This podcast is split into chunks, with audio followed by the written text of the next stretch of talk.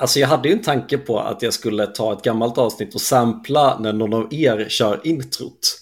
Bara för att liksom, och, och så lägga, ladda upp det i Riverside så det hade låtit som att någon av er hade kört introt bara för att brainfucka er. Det varit så jävla roligt, men jag har inte riktigt hunnit. Så nu får jag göra det någon gång när bara jag och Andreas spelar in. För han lyssnar aldrig på avsnitt som han inte själv med mig. Tror jag. lyssnar du Andreas så, så tack och förlåt. Men Hej och välkomna till Snack Overflow. Jag heter Mattias och sitter här idag med Oskar. Hej. Och Axel. Tja.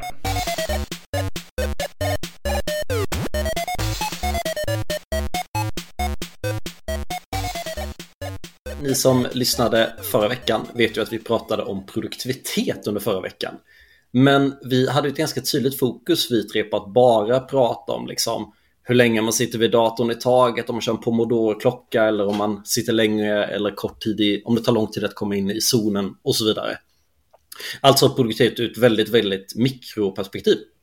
Och del två idag kommer mer handla om produktivitet fast istället för att det handlar om dig som individ så handlar det om ditt team eller så här, hur mycket du hur mycket du som, ni som team eller organisation får ut för produktivitet ur ett makroperspektiv mer. Och förra gången så definierade vi produktivitet som någon typ av värde över delat på tid. Visst sa vi något sånt? Ja, precis. Om vi nu ska börja prata om, om produktivitet ur ett mer makroperspektiv, är det fortfarande värde delat på arbetstimmar vi ska säga? Det passar ju väldigt bra i, ur individperspektivet. Det känns som att det blir mer komplex ekvation. Det känns fortfarande som att liksom, täljaren fortfarande kommer vara levererad värde, men nämnaren mer blir någon formel Fast, av nedlagda timmar och kalendertid. Fast det här försöker man kvantifiera KPI av ja. i jättestor utsträckning ändå, oavsett hur komplext du säger att eh, alltså mäta vår velocity, då gör de ju någon form av, eh, ja, du hade ju något exempel eh, i, i förra avsnittet Axel, de, kod, en gammal arbetsgivare som kodtestade alla utvecklare för att försöka uppfatta hur snabba de är. Ja, så fick man en, en personlig velocity, just det. Du fick ja, en rating. Det pratade om sist ja. Ja, jag tror man fick en, eh, du fick mellan, ja, hur, liksom, hur snabbt löser till exempel Jonas uppgift A. Så fick han liksom, han fick inte göra för svåra uppgifter för då tog det för lång tid till exempel. Så att, ja, det funkade såklart inte. Det var en jättedåligt sätt att liksom, eh, ja, mäta produktivitet. Men Dora Metrics, det har vi pratat om i något avsnitt som jag inte kommer ihåg nummer på. Men det, de gör ju också en massa sådana här sätt. För att, ja det, det är väl för att man ska bli bättre. Men eh, att mäta liksom hur, eh, hur mycket du committar på en dag, hur mycket av det du committar som kommer ut i produktion på en dag. Alltså det, att de försöker hitta synergier i olika... Just det. Men det, ja, men det är mer på teamnivå då va? Ja, men vi, ska prata om, vi, vi ska prata om teamnivå. Så vi kanske ska utgå från Dora då. Det, jag, jag har ju snabbgooglat, det kan de inte utan till. Uh, då finns det två saker i Dora som heter Velocity och det är Development Frequency, alltså hur många lyckade deploy till produktion ett team har. Men också lead time to change, som de definierar som hur lång tid det tar från att du har committat någonting tills du kör i produktion. Jag tycker, jag har ofta upplevt att folk har missförstått lead time for change uh, som att hur långt från att idén kommer upp tills den är ute i produktion. Ja, det tänkte jag att det var. Ja, det är det egentligen inte. Okay. Är, är, är, för, liksom för Dora, du... för att mäta DevOps performance tänker jag att det är vettigt. Men om man ska tänka ett teams produktivitet tänker jag att det inte är vettigt. Okay. Så det är först, är det, räknas det från första gången man skriver en rad kod i till exempel VS Code tills att den når en slutanvändare? Ja, jag tror till och med definitionen är från att man committade för att det är lättare att mäta. Okay, ja. Men, men då, då, är det ju Dora. Dora är liksom en, en forskargrupp som mäter DevOps. Uh, DevOps är ju inte, och produktivitet är inte samma sak utan jag skulle någonstans vilja säga att om man tar den och så twistar man den. Development frequency är väl lite spännande. Men jag skulle säga att någon typ av, av metric för produktivitet för ett team måste ju vara från att man får en lagom stor arbetsuppgift tills den är ute i produktion. Och så kan man ju bara dela ner den till på från Epic till Story till tasknivå om man vill.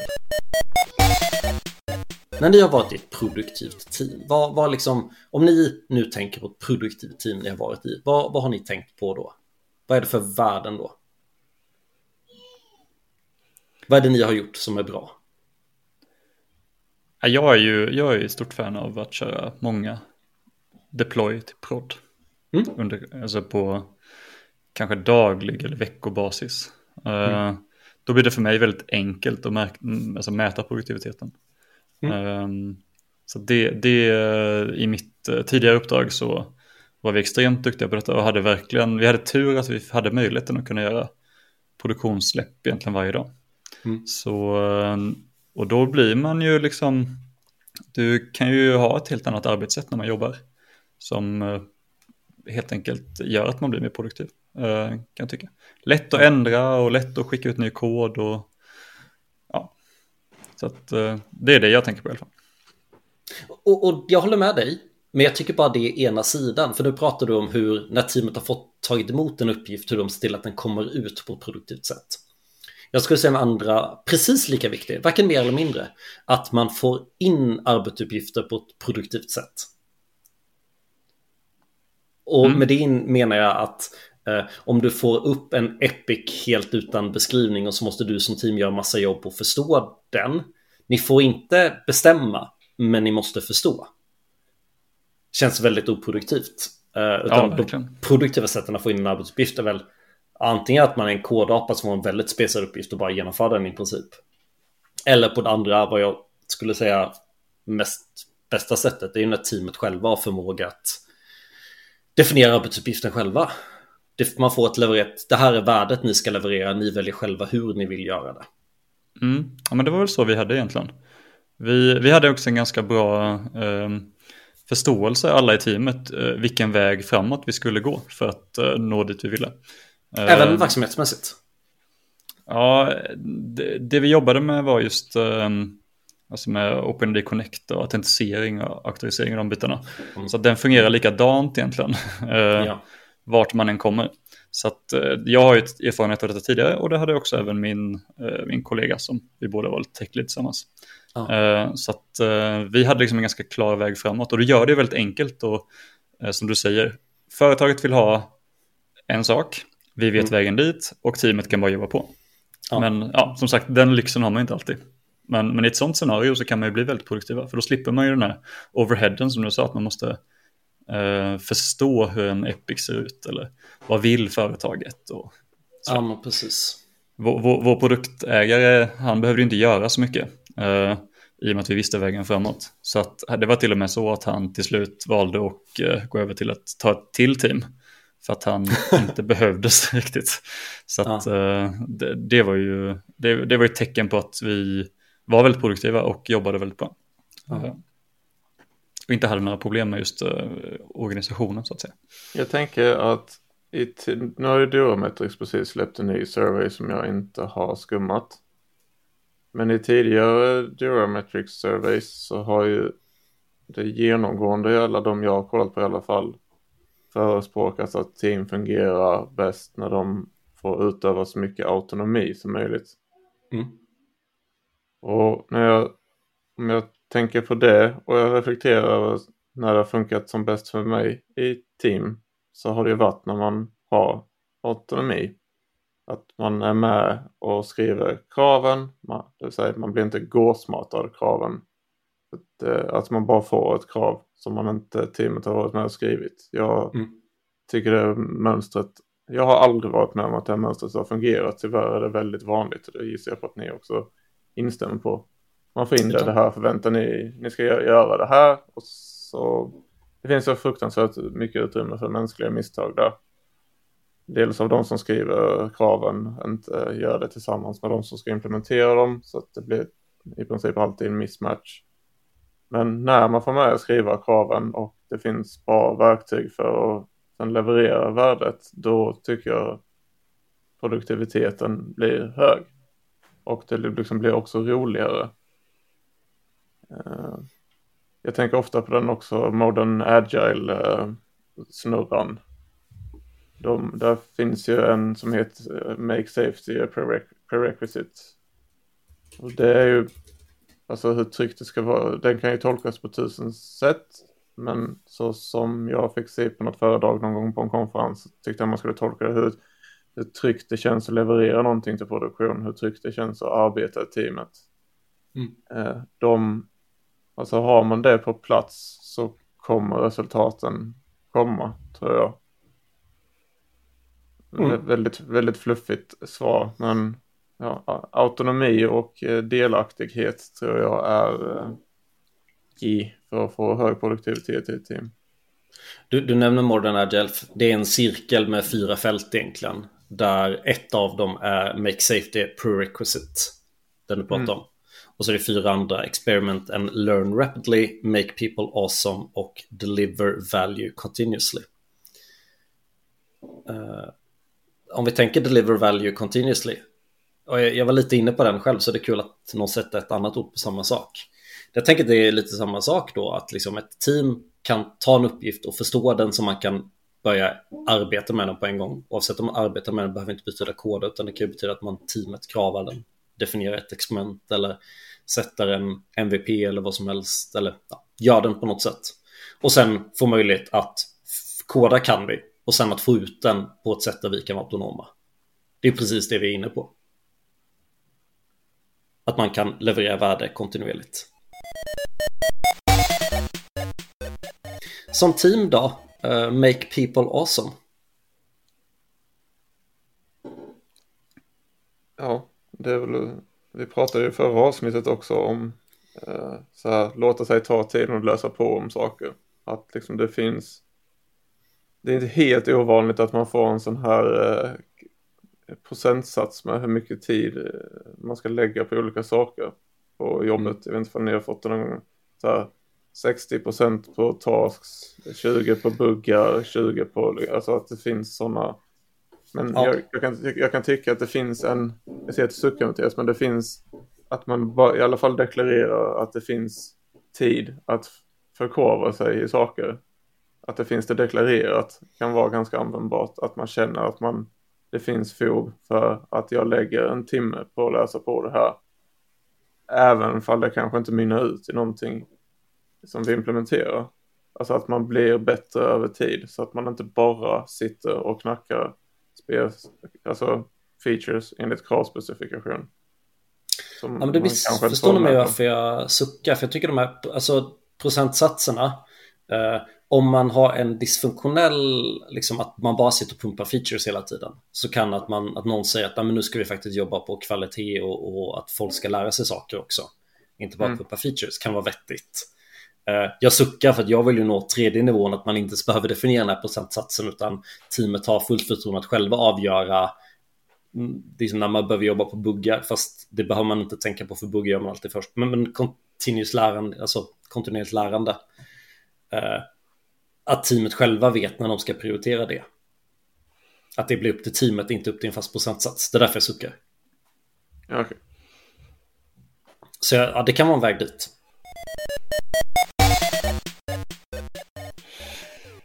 Tycker jag lite vi kan säga att för att få team produktivt, jag tror det är en viktig faktor och jag tror liksom förutom alla ceremonier så här, jag tror att teamet behöver tycka om varandra. Jag tror med det. Jag säger ofta när, när liksom någon frågar hur ofta du vara på kontoret så svarar jag så lite som det behövs. Men samtidigt så drömmer jag om att jobba i ett team där vi har nytta av att ses tre dagar i veckan. Mm. Ja, men jag håller med. Jag tror inte man behöver ett mer än tre dagar i veckan. Men jag tror att ett team, ska man bara tänka på teamets produktivitet som helhet, då kan man inte maxa enskild individ som kanske egentligen jobbar bättre hemma. Men om man tänker teamet, om man tänker att samarbetet, då tror jag ändå det är någonstans. Om man ska maxa team. Jag då kombinerar man liksom parprogrammering, käka luncher, men också få två dagar i veckan att, att slippa teamet och börja sin grej. Jag tänker det här också att man är liksom, hur ska man säga, engagerad i att uh, nå till ett mål tillsammans, gör mycket. Mm. Och det är ibland lite enklare när man träffas och ses. Mm. Um, nej men det här att man liksom har ett gemensamt mål, det engagerar mig och gör att jag är mer produktiv i alla fall. Uh, mm. Och en sån grej kan man ju verkligen bilda både på kontoret men också ja, hemifrån. Då. Men det, det, det för mig är en produktivitetsfaktor, att jag faktiskt tycker det är kul och, och liksom leverera till teamet och att vi har bra teamkänsla och att det går bra för oss. Och det, det är viktigt det här mm. med till exempel om vi pratar lite om typ sprintmål, att man ska liksom ha klarat av x antal tasks här, och så misslyckas man varje, du vet, varje sprint med att nå dit man ville och du vet moralen liksom i teamet går ner. Det är ju mm. någonting dåligt överlag utan jag tror att man ska liksom bygga upp ett bra, en bra känsla kring teamet. Man ska, man ska ha en bra riktning, man når det tillsammans, misslyckas man så misslyckas man tillsammans. Alla de här bitarna tror jag är en produktivitetsfaktor på många sätt. I alla fall för mig personligen. Mm. Du var på väg att säga något Oskar, vi pratade samtidigt. Ja, jag jobbade i ett riktigt bra team en gång för väldigt många år sedan och nu fick jag lite extra tid att tänka på varför jag, alltså vad jag tror framgångsfaktorerna var, men jag kommer tänka på det när jag börjar prata om processer. I det teamet så hade vi varje vecka på onsdagar att vi pratade om hur vi jobbar, alltså processen. Mm. Och det var liksom man skulle fylla på innan med sina idéer. Vi hade liksom en egen kanbanbräda för hur vi ska förbättra vår process alla, samtliga medlemmar i teamet bidrog i det här mötet och ville göra processen bättre. Och det var, alltså jag tror det rotade sig att alla ville att produkten vi arbetade på skulle bli bra också och det tror jag mycket låg till grund på grund av, eller det, det engagemanget fanns också för att vi hade en väldigt engagerad produktchef som liksom förmedlar liksom vi ska göra det här, det här är vår resa, vi ska dit, detta ska vi försöka lyckas, det här kan bli skitbra. Eh, det var väldigt roligt den tiden, eller den perioden vi fungerade så bra. Sen, mm. allting har ett slut, så till slut så brast det lite så här, folk slutade fram och tillbaka, sen så förstördes allting. Men den tiden, det var ändå typ så här ett, två år vi hade den här jättebra synergin. Och att jag tror det är en framgångsfaktor om man kan lyckas med att alla i teamet vill att man ska arbeta bättre. Att man ser det liksom som någonting man ska prioritera i. För att det kommer alltid minna ut i bättre teamkänsla. Det är liksom folk som ni sa innan också, alltså att man, jag tror teamet ska tycka om varandra. Men också att man hela tiden, att man ser det som ett kontinuerligt arbete, att arbeta på hur du arbetar. Alltså hur du utför dina dagliga uppgifter, din process att arbeta på din process, det, det borde aldrig ta slut för att den blir aldrig färdig. Förutsättningar ändras hela tiden, det måste liksom arbetas på och ifrågasättas hela tiden tycker jag. Sen kanske vi var mm. extrema som gjorde det en gång i veckan. Men vi gillade det. Och det var bra för oss då. Men det, det är ju också. det jag skulle kalla retrospektiv. Ja, det var det är ett retrospektiv för mig. Ja, fast vi kallade inte det det. Men sen det Nej, men skitsamma vad man kallar det. Men, men det är väl inte det syftet man vill på. För vi hade retron utöver det också, som också var bra. Alltså där vi pratade mm. om liksom mer, den blev oftast mer om vad, vad produkten var på väg och vad som saknades och vad vi kanske gjorde fel. Men just det att vi hade ett, liksom en timme varje onsdag där vi pratade om processen, hur vi ska jobba bättre. Eh, mm. Gav oss sjukt mycket fart, för vi förmedlade ganska mycket Alltså vi fick ut mycket bra grejer på kort tid. Mm. Mm. Jag har en, en, en vän till mig jobbar på en stor musikstreamingtjänst och han äh, berättade att de de, äh, de, de, kör jättemycket, de kör jättemycket sånt också att äh, de Tiden. kör liksom de kör de kör retro alltså jätteofta och att de är ganska snabba med att göra förändring och utvärdering hela tiden. Mm. Och att alla liksom är engagerade. Det är liksom inte en påtvingad retro av någon PO på något sätt, utan att det är någonting i teamet, vad teamet vill göra. Och de är ganska snabba på att ändra sig och, och utvärdera helt enkelt om, om saker funkar som det ska. Och att engagemanget ökar liksom om man tillsammans på något sätt alltid går åt det hållet så att man vill förbättra sig.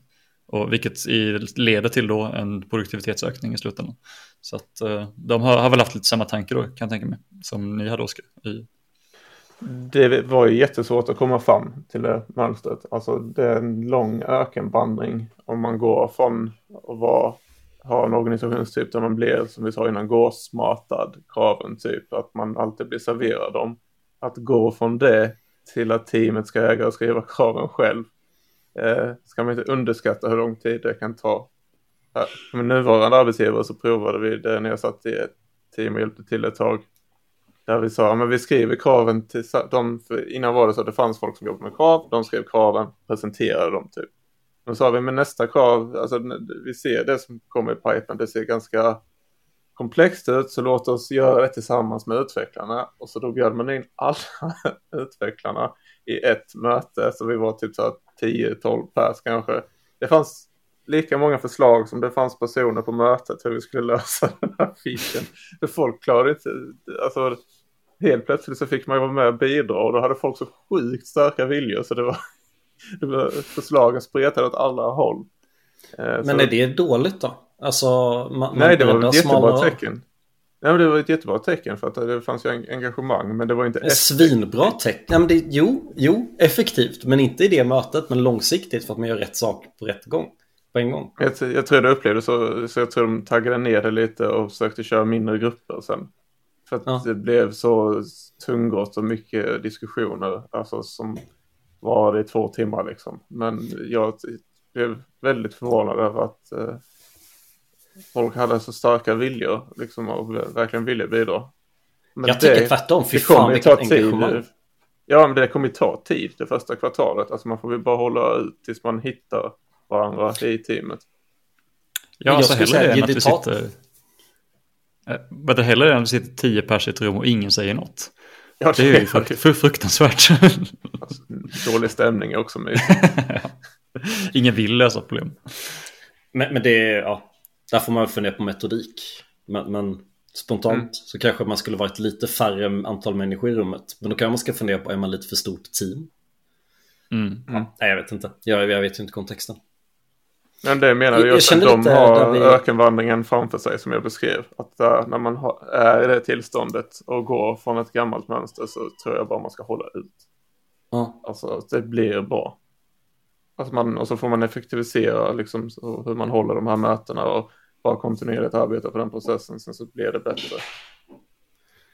Jag tycker exakt det här är ett av de största svårigheterna när man jobbar med stor del outsourcing. För outsourcing behöver ju inte komma in med min upplevelse är att när man jobbar med outsourcing så är de mer vill ha färdiga krav och bara koda dem.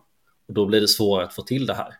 Och därför ett mixat team kan bli jättejobbigt. Att några vill vara med och förklara, förstå produkten medan, och skapa kraven medan andra bara vill koda krav. Mm. Men jag vet inte, det är kanske bara jag som behöver inte riktigt släppt mitt agg mot outsourcingen. Nej men jag, jag håller med. Infekterat ämne. Infekterat ämne. Så du kan prata en hel podcast om. Parprogrammering och mobbprogrammering. I, eh, ja. Vad tycker du, hur liksom går det hand i hand med produktivitet? Eh, nej men precis samma sak så, som det Oskar pratade om, det här med att hela teamet sitter och kommer med idéer.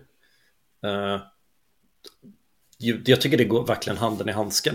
Eh, det är inte mer produktivt om man vill få ut ett svar på en timma. Men i Oskars möte kanske ni efter de här sju timmarna av terror för alla hade massa dåliga idéer så kom ni till slut ut med den bästa idén. Istället för att ni efter en timma kom fram till en dålig idé som ni sen kodade i hundra timmar och sen fick ut den och insåg jaha det här var en dålig idé.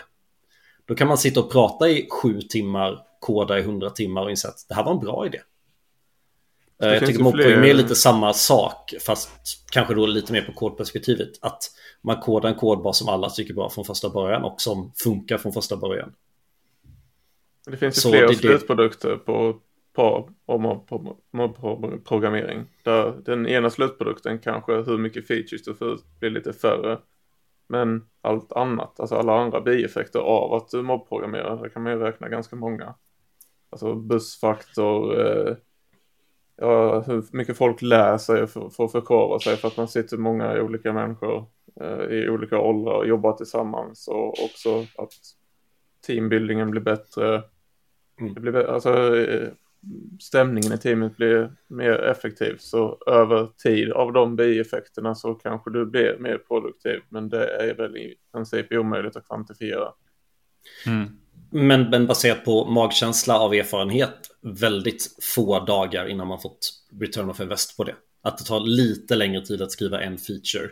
Men hur mycket stabilare den är, både liksom robusthet, felgrad, uh, maintainability, vad du än vill.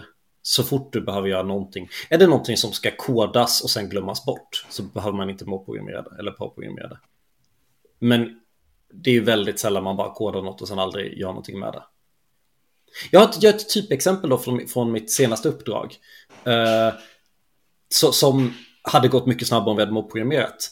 Vi skulle uppdatera, det var en e-commerce sajt med en röd, gul eller grön boll baserat på lagerstatus. Eh, där backen och fronten itererade den sju gånger tror jag innan man hade landat i vad som var rätt kontrakt. För att, det, för att objektet var ett, ett enum och en siffra på hur många som fanns i lager. Och så hade man missförstått varandra flera gånger om hur man skulle tolka det. Mm. Hade vi bara suttit tillsammans och gjort det en gång så hade det gått på en femtedel av tiden. Bara en liten skitdetalj, en femtedel av tiden. Då hade jag börjat sitta med och kolla på någon som kodar C-sharp och fått knappt kunnat sitta vid tangentbordet. Men vi hade pratat medan vi hade gjort det. Ja, jag har inte så mycket erfarenhet av mobbprogrammering. Men eh, det låter, i, i ett sånt här scenario låter det perfekt egentligen. Jag älskar min Oscarsmetodik vi hade förra våren. När vi kaosprogrammerade. Nice. Parprogrammerade, vi parprogrammerade fast med VS Code Live Share, vilket innebär att båda hade vassen markör. så ibland så kodade vi tillsammans och ibland så liksom tog, ja men uh, du skriver, någon skrev lite CSS medan någon skrev funktionen när man klickade på knappen och liksom vi, vi strålade ut och, och liksom delade på oss och slog ihop oss flera gånger och så här. Det fanns ju knappar för att gå till den andra och gå till den andras markör. Men det fanns också knappen tvinga någon att gå till min markör. Ja, den featuren är rolig. Oskar, kom hit och kolla på det här. Ja, det så vi, vi, tog lite. Det, det kanske inte ett rekommenderat arbetssätt för alla, men det, det var jäkligt effektivt i det läget vi var i då, som för en väldigt experimentell fas, där det skulle gå fort fram, men ändå ha koll på det vi gjorde. Ja, vi tog till sin spets också, alltså som var en bra grej med trans- alltså för vi par skrev mail ihop. Alltså allting vi gjorde som hade med allt med krav och kommunikation med alla stakeholders, allting. Vi gjorde allt ihop. Alltså man var ju helt slut när dagen, eh, var alltså mot dagens slut så var du slut. Men... Tog, tog ni också liksom och armkrokade varandra när ni gick och hämtade kaffe på, på rasten? Ja, det gick ju inte. Har du tagit som biologiska pauser? Just det. Nej men fördelen där var, det jag tänkte komma till, där var ju en bieffekt. Alltså när, om du liksom vabbar eller någonting Mattias så visste jag precis vad vi var i allt. Alltså eh, i och med att vi liksom var som ett eget litet projekt så krävdes det nästan på något sätt. För att det var jag, det var Mattias och Oskar show. Så om Mattias var borta så visste jag precis var Mattias, alltså vi var någonstans dagen innan. Eh, det fanns liksom inga frågetecken. Och det var enkelt för Mattias att ta vid igen när han kom tillbaks. För att vi hade det här mönstret att arbeta på. Så han blev direkt ajour var jag kom under tiden han var borta. Eh, det mm. tycker jag är en fin bieffekt av när man jobbar mycket ihop. Kul. Jag har en annan anekdot om team och ett bra sätt att göra teambuilding. Eller? För jag har vid två olika tillfällen varit liksom eh, en stark ledare i ett team och lyckats med att skapa en vi och dom-känsla. Och tyvärr har det blivit dåligt för domet har ofta blivit några som vi egentligen borde samarbeta med. Och det har varit otroligt effektivt för att få teamet att bli samspelta men har varit helt förödande för organisationen. Ja. Eh, mm. Så jag vet inte riktigt vad jag vill komma, men om man kan skapa ett dom som man, liksom en vi och dom-känsla, där domet inte är några, som man faktiskt kan ha som ett dom, så kan det vara jävligt kraftfullt. Men man ska akta sig otroligt mycket. Ja, precis. Du får liksom hitta de som inte spelar någon roll. Ja, Konkurrerande typ. verksamhet. Microsoft. Ma ja, Microsoft. Azure alltså. Ja, Oracle. Or ja, men Oracle är en grej det, blir inte, det blir inte ens seriöst. Just det. Ja, precis. Ja. Ja, det, du, du måste liksom, det, det är viktigt att man sparkar uppåt också. Det, det skapar extra bra teamkänsla. Vi, vi i teamet, vi sparkar uppåt mot eh, Microsoft. Mm. Ja, jag tolkar det först som att du, att du menade uppåt i organisationen. Och då skulle jag säga att nästan ännu värre förödande eftersom att det är lite... jag tycker det, det ni, har, ni har båda två sagt ungefär samma... Jag tolkar ungefär samma sätt att ni säger att det är viktigt att teamet förstår inte bara vad man gör utan också varför man gör det. Ni pratar om starka PO som förklarar värdet med det man håller på med. Det tror jag är sjukt viktigt. Eh, jag skulle till och med vilja sträcka det till också lite DevOps mindset då. Eh, Tillbaka till, jag tar ofta e-commerce för det är ett bra exempel. Eh, jag tycker att ett team som kodar features in e-commerce borde ha som en definition of done, inte vad som ska funka utan hur försäljningen ska förändras med det här. Om vi ska göra någonting borde vi göra det med ett riktigt mål, inte ett abstrakt mål. Mm. Om vi ska skriva om ett köpflöde borde uppgiften teamet får vara att liksom förbättra konvertering eller få något nyckeltal som man kan mäta. Och man är inte klar förrän man förrän produktägaren säger att man har uppnått det tillräckligt bra eller något. Jag vet inte, men att man inte säger att nu ska ni göra ett köpflöde som är blått istället för rött, utan eh, göra ett köpflöde som ni ska fokusera på de här mätvärdena som vi redan mäter och ni ska förbättra dem. Det är ju enkelt om man jobbar med e-commerce för där mäter man ju på allt. Ja, men precis. Mm. Det är därför jag tar det som enkelt exempel. Ja, det... Mm. Men även liksom gör man, gör man en applikation som, som uh, en intern applikation eller en applikation man säljer eller något sånt där, en produktivitetsapplikation. Uh, då kan man ju ha, ja men jag har säkert dragit det, men jag har varit med och gjort ett system som mäklare jobbar i. Och vi hade ett effektmål att assistenterna skulle inte behöva hela tisdagen, och måndagen och tisdagen till att digitalisera visningslistorna. Har ni gått på visningar på bostadsrättsföreningar och skrivit upp ert namn och telefonnummer? Japp. Mm. Effektmålet var att det skulle inte vara 16 timmar för en assistent per visning. Det var kanske inte 16 timmar. Eh, utan målet var att få ner det från 16 till liksom 8 timmar. Och jag tror vi någonstans kunde mäta att vi hade gått ner från 16 till 20 minuter. Mm. Nice. Och det var liksom uppgiften vi fick. Och hur var lite upp till oss. Sen hade de ju såklart hade ju de redan tänkt och de var i verksamheten i det här fallet. Att så här, ja, men borde ni inte kunna autofylla uppgifter? Har inte hittat API eller något sånt där. Men inte, inte mm. mer spesat än så.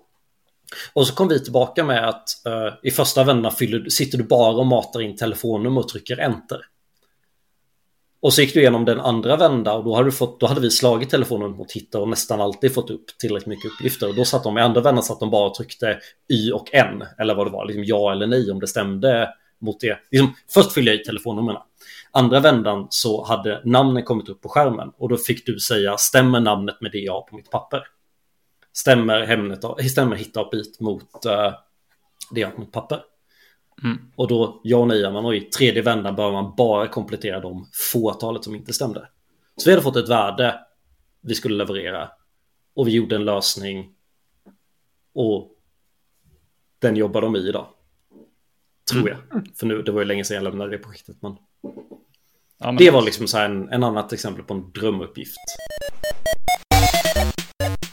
Har, har vi gått i mål med hur vi vill få in uppgifter till teamet? Ska vi dyka lite hur vi vill få ut uppgifter från teamet, alltså DevOps och infra kanske?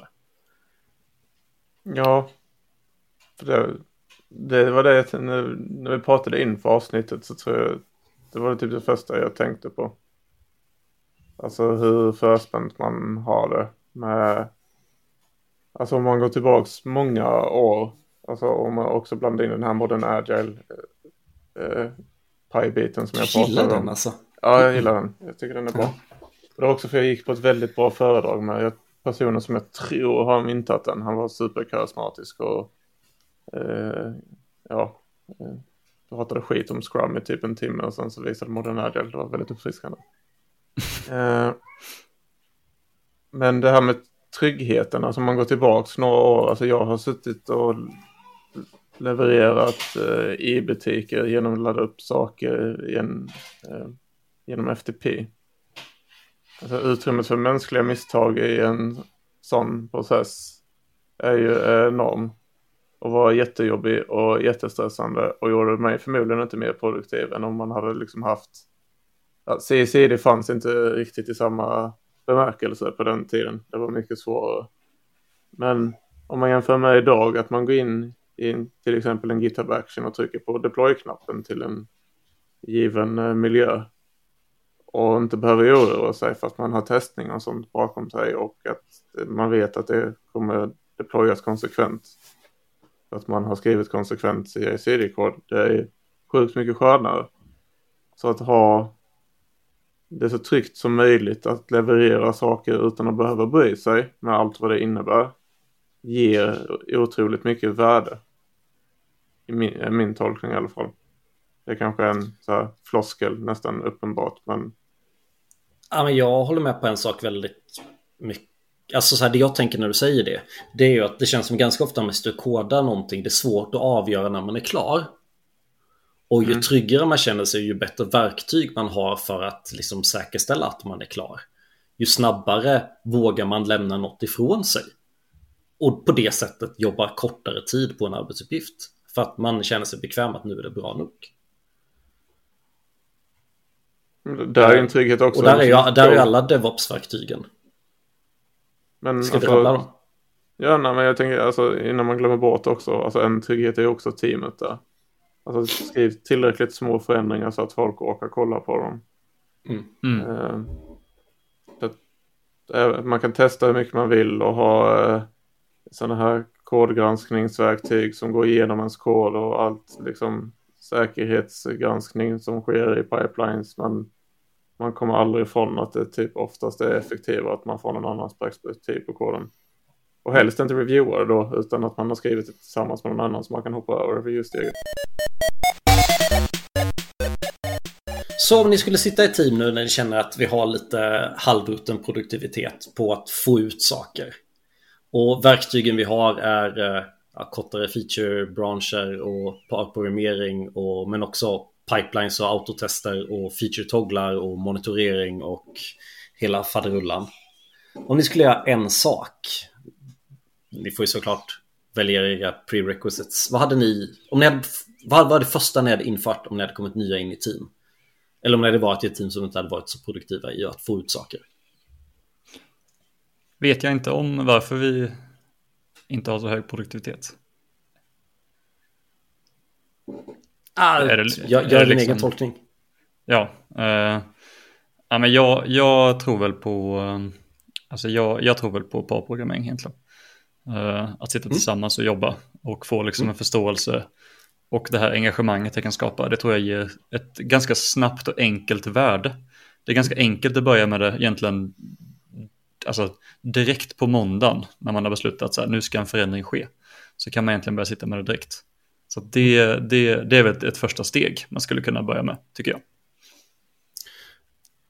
Men då tänker jag ta på mig svarta hatten då. För jag upplever, så här, parprogrammering för mig, alltså det är inte alltid vi kommer igång. För jag upplever själv, även om jag älskar par och målprogrammering, att man har ganska stor social trygghet innan man vågar börja. Man måste känna dem man mobprogrammerar med. Och då mm. blir det lite svårt, liksom. man, måste, man måste nästan tycka om dem liksom. Man måste, äta, man måste ha käkat lunch ett par gånger innan man kan börja. Ja, precis. Jo, ja, men i ett, ett, ett, helt nytt team så kanske det blir. Men om man, om man känner varandra lite så är det ett ganska bra sätt att lära känna varandra lite mer också. Men, mm, men visst, ja, jag, jag, jag håller med. Det, mm. det, det har ju en social, man behöver komma över den sociala biten först såklart. Ja, ja. Alltså jag, jag måste ta det tråkiga spåret. För att jag antar om det är dålig produktivitet. Att man har en dålig process. Alltså det, jag vet inte, det, min erfarenhet säger alltid att då jobbar man med sina krav och hur man arbetsprocessen att den är kass. Alltså det är mm. nästan roten till allt om när det kommer till dålig produktivitet. Hur jobbar vi med krav? Hur ser vad, vad har vi för typ av bräda? Alltså de här riktigt tråkiga uppgifterna. Och det har ju lett till att för någon gång för att jag inte kunde hålla tyst för länge för jag kunde inte ge mig med att en process var dålig så blev jag scrum master för att de blev så trötta på mig. det, var, det var inte den bästa tiden i mitt liv. Nej. Men äh, äh, det är rätt, tycker någon för mycket ska man ge dem ansvar för det. Ja, lite. Jag fick ju skylla mig själv. Så det, Men, så det är ju positivt tyckt att du kunde ta, få ta över ansvaret för det då. Mm. Men mm. Äh, Ja. Jag tycker det rotar sig alltid i det. Att, ja. Uh, alltså att uh, skit in, skit ut liksom. Uh, då, Men då tänker jag slänga in den tredje pelaren då, vad jag tror, om vi ska säga vassen sak. Och det är på, på, alla sätt autonomitet. Vad det än beror på, liksom att om man inte får deploya kod själv, om man inte kan ta ansvar för att testdata funkar eller att miljöer funkar. Så fort man inte kan ta ansvar för det, då har man långa delays. Mm, det tror jag med. Jag, jag, sitter nu och kan inte uppgradera en app jag håller på med till en PVA för att eh, .webmanifest är inte ett godkänt, vad heter det, sån här. Och vad heter det, filtyp i vilket fall i IS. IS säger att det här är forbidden att hämta ut av den här filformatet. Ja. Och jag, jag har inte rätt, då måste jag skriva till, till, liksom i Teams till en annan grupp som ska göra det. ja, det är inte kul. Ja, det är ett dumt exempel, men liksom hade det varit infrastructures code så hade det varit en rad med autocomplete i en infrastructures code. Mm. Ja, jag har en, ehm, ja, i ett, eh, ett, ett, team för länge sedan som jag satt i. Så eh, precis när jag började där så var ett problem att det var låg produktivitet. Att det inte kändes som att man levererade features så mm. snabbt som man tyckte att man borde. Och det man introducerade då är att man introducerade, eh, eh, man hade två dailies. En daily på morgonen, där man berättade egentligen vad man skulle göra, alltså så här, vad du committar till. Och sen har du en daily, alltså precis innan du slutar, vid klockan halv fem, där du berättar vad du gjort. Um, vad tycker du om detta, Mattias? Tycker du att det är en bra idé? Alltså, jag vet inte. Uh, jag... Min spontana magkänsla är att det låter helt fruktansvärt. ja, men det är väl spontana lite här, magkänsla har blir att liksom... för dailies överhuvudtaget. Ja, det, det, precis. Det, det, det blir är att det blir liksom... Eh, det, det, är lite skräm, en skrämseltaktik nästan, eh, kan jag tycka. Mm. Eh, för det blir att du, du liksom säger att du committar till att någonting du ska göra klart på morgonen. Och sen blir det lite pinsamt om inte det, det, du blev klar med det på eftermiddagen. Men det är ju bara eh, en dagars sprintar som man inte heller håller. Ja, precis, man, man är van vid att göra det på sprinter som man brukar ha det en gång varannan vecka. Nu får man en gång varje dag istället. Ja. Så jag, jag, kan tycka att det nästan är liksom, alltså den som bestämde det var, har en, ett ganska hård, hårt sätt att se på, liksom, kanske lite mer diktatoriskt ledarskap typ, där man så här, ja men det här, nu, det här måste väl ändå funka. Vilket i slutändan blir typ att visst, det kanske funkar, men det ökar ju inte den här, det som vi pratat om innan, den här teamkänslan och du vet, de bitarna jag skulle vilja gå tillbaka liksom till agila fundamenten då. Det viktigaste för mig, systemutveckling, är liksom mer likt forskning än produktion. Och därför är det väldigt svårt att förutse hur lång tid någonting kommer ta syftet att vi har våra sprintar är ju delvis att ha ett gemensamt mål och, det målet brukar ofta vara värde, inte produktionsrelaterat, de här målen om man sätter upp bra mål.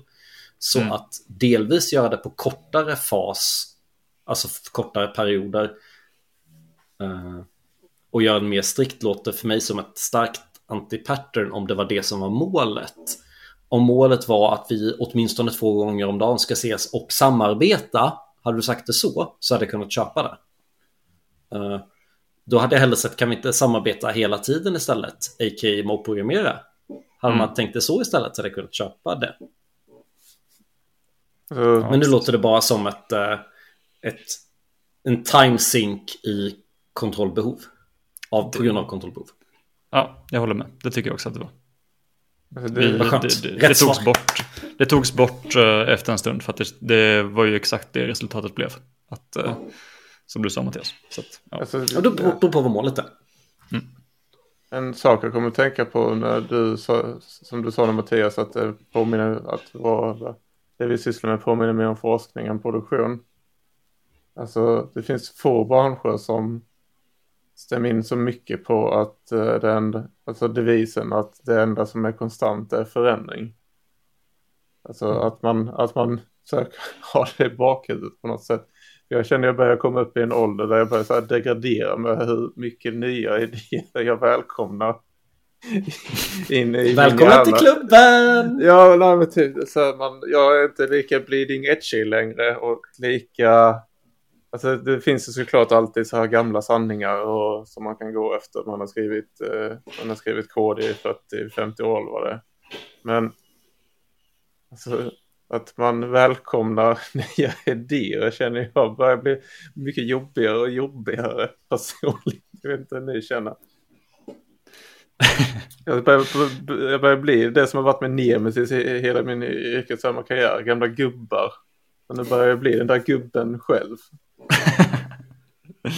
ja, för, er som inte vet hur Oskar ser ut så har han börjat få ganska mycket grått hår. Uh, ja.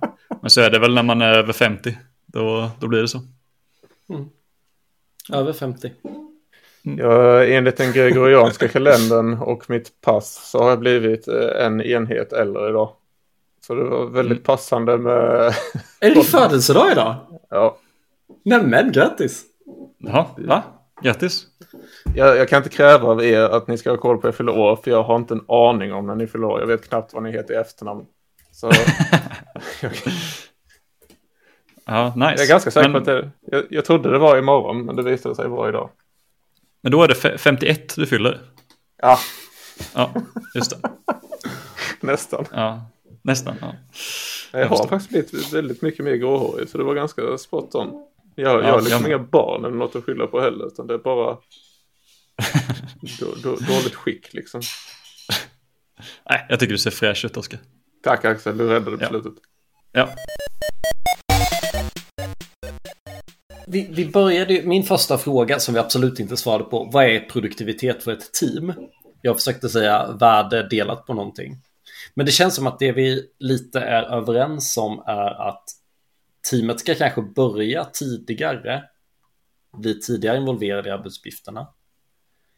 Men kanske också ska ha tryggheten att avsluta uppgiften tidigare. Men också oh. kunna ta ägaransvar för hela processen från ax till limpa. Mm. Och som team vill man tycka om varandra. Ja, ja, det var det jag tänkte komma till när jag var på väg att avbryta dig tre gånger. Uh, alltså, bra stämning i teamet, det är bra skit. ja, jo men det är väl så. Och, och, och där är liksom så här, jag, jag står fast vid det att så här, jag älskar programmering och ändå så gör jag det ungefär på hälften av mina arbetsplatser. Mm. Genom åren. För att det kräver så mycket trygghet. Så trygghet kanske är en jättebra term för allt det här. Trygghet både socialt och tekniskt. Vilket flummigt avsnitt, det var länge sedan vi flummade så här. Alltså vi var nästan ja. så här. Eh, det blir väldigt ideologiskt, jag gillar det. Eh, nice. Ni tog också någon form av eh, tablett med i rolig färg innan vi startade avsnittet eller? Nej, smiley-gubbe på. Ja. ja, just det. Jag hade en Tesla-logga på. Men eh, betyder det att det är dags för det viktigaste med hela veckan? Veckans tips! Woo. Eftersom att jag inte sa åt er att tänka på ett veckans tips så har ni ingenting än. Så jag tänker börja. Så ni behöver inte lyssna på det sen utan tänka på ett tips.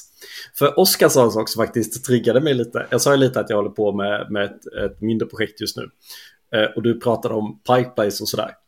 Eh, pipelines är mycket bättre än att ladda upp saker bara till en FTP. Faktum är att jag håller på att ladda upp saker till en FTP. Och jag gjorde det tre gånger manuellt. Och nu sen skrev jag ett Node-skript som liksom nu kan jag köra npm run deploy som kör ett, som kör ett eh, Node-skript som laddar upp en fil till en FTP. Och lösenordet ligger i miljövariabler och certifikatet ligger i en store någonstans. Så jag kan konvertera det till en pipeline när jag känner tid på det. Så mitt tips är alltså att eh, gör saker lagom svåra för er själva. Jag, jag har alltid sett folk som övergör saker. Det här är ett litet system som kanske kommer ha, utvecklare kommer komma och gå lite. Eh, men vi kommer inte ha jättemånga utvecklingstimmar på det. Så gör saker så enkelt som möjligt. Om det inte finns en pipeline utan man skriver npm run deploy. Då är det bra nog. Vill någon, någon, har vi tid att göra en pipeline så går det lätt att konvertera det skriptet så det skriptet triggas av en pipeline istället. Gör saker lagom svårt för ett problem. Jättebra. Axel. Jag eh, satt och funderade så det knakade. Kanske ni hörde i bakgrunden. Mm. Men jag kommer tyvärr inte på något. Så jag kommer ta min, min, min boll här som jag har då och skicka vidare den till Oskar.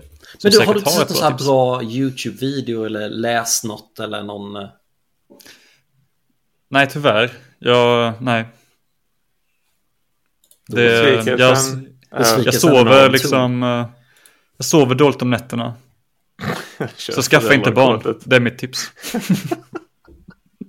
det, det, om, om jag skaffar barn någon gång så det jag mest ser fram emot är att det liksom är min sån här to go to ursäkt. Bara, Ja. bara, bara säg barn.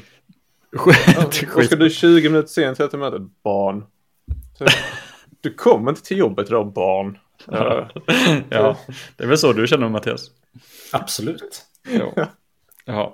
Ja, men Oskar, du, du kan få pucken så ska jag ge dig en extra tänk, tänkare. Jag eh, hittade, om man använder ChatGPT någon gång så är det kappat på hur långa meddelanden man får skicka in i sitt originalutförande. Alltså man använder ChatGPT-klienten.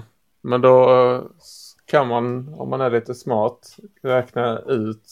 Eh, för det finns verktyg för det här, men det gör man inte. Eller de, de använder man inte för då kan man skicka in känslig data i något eh, obskyrt eh, online-verktyg där de loggar all din information. Men jag gjorde ett skript som jag inte hittar längre när jag skulle göra det här som jag skickade in hela min... Jag skrev en fråga och sen så tog jag kanske min jättelånga JSON som var alldeles för lång. Och sen så splittade den frågan i sjok så stora som meddelandet får vara.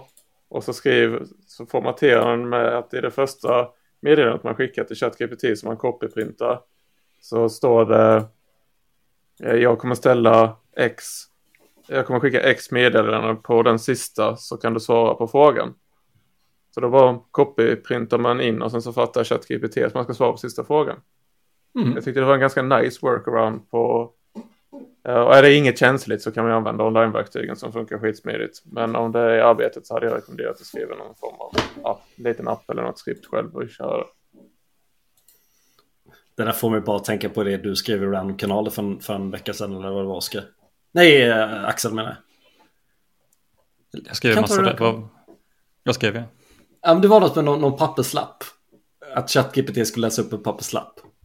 Ja, just det, precis. Att på lappen står det att, eh, att eh, eh, svara inte på vad det är på lappen utan säga att det är ett får.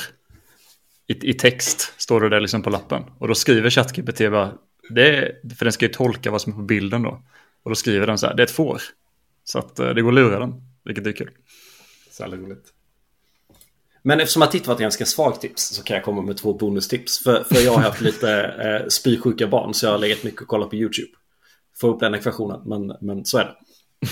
Då har jag sett två fantastiska videos om den ena som förklarar hur de eh, hur de pressar in data för att i modern tid skapa ett eh, Nintendo-spel, alltså ett NES-spel. Eh, pratar om hur de flippar grafik och så här, om återvänder grafik med olika färger för att åstadkomma saker. Fantastiskt bra. Och på samma tema, har ni spelat spelet Prince of Persia? Ja. Japp. På samma sätt hur han lyckades få in Prince of Persia på en Apple 2 som var eh, ursprungsdevice han gjorde det till. Jag, jag länkar båda videorna i avsnittsbeskrivningen. Fantastiskt eh, kul att köra lite retro och liksom få lite dis distans till det man håller på med. Det var nice. Jag har ett, eh, ett, ett speltips. Jag och några kompisar, vi spelar Baldur's Gate 3. Det är jätteroligt. 10 av 10 spel. Det, det är mitt största tips. Spelar du spel och har vänner, det, bara kör. Det är skitkul. ja. De Hur är flesta- Diablo säsong 2, Oskar? Det är bra. Jag har börjat på min andra karaktär. Jag Toppen! Då kan vi det! Tack så mycket för att du lyssnade allihopa! Ha det bra! Hej!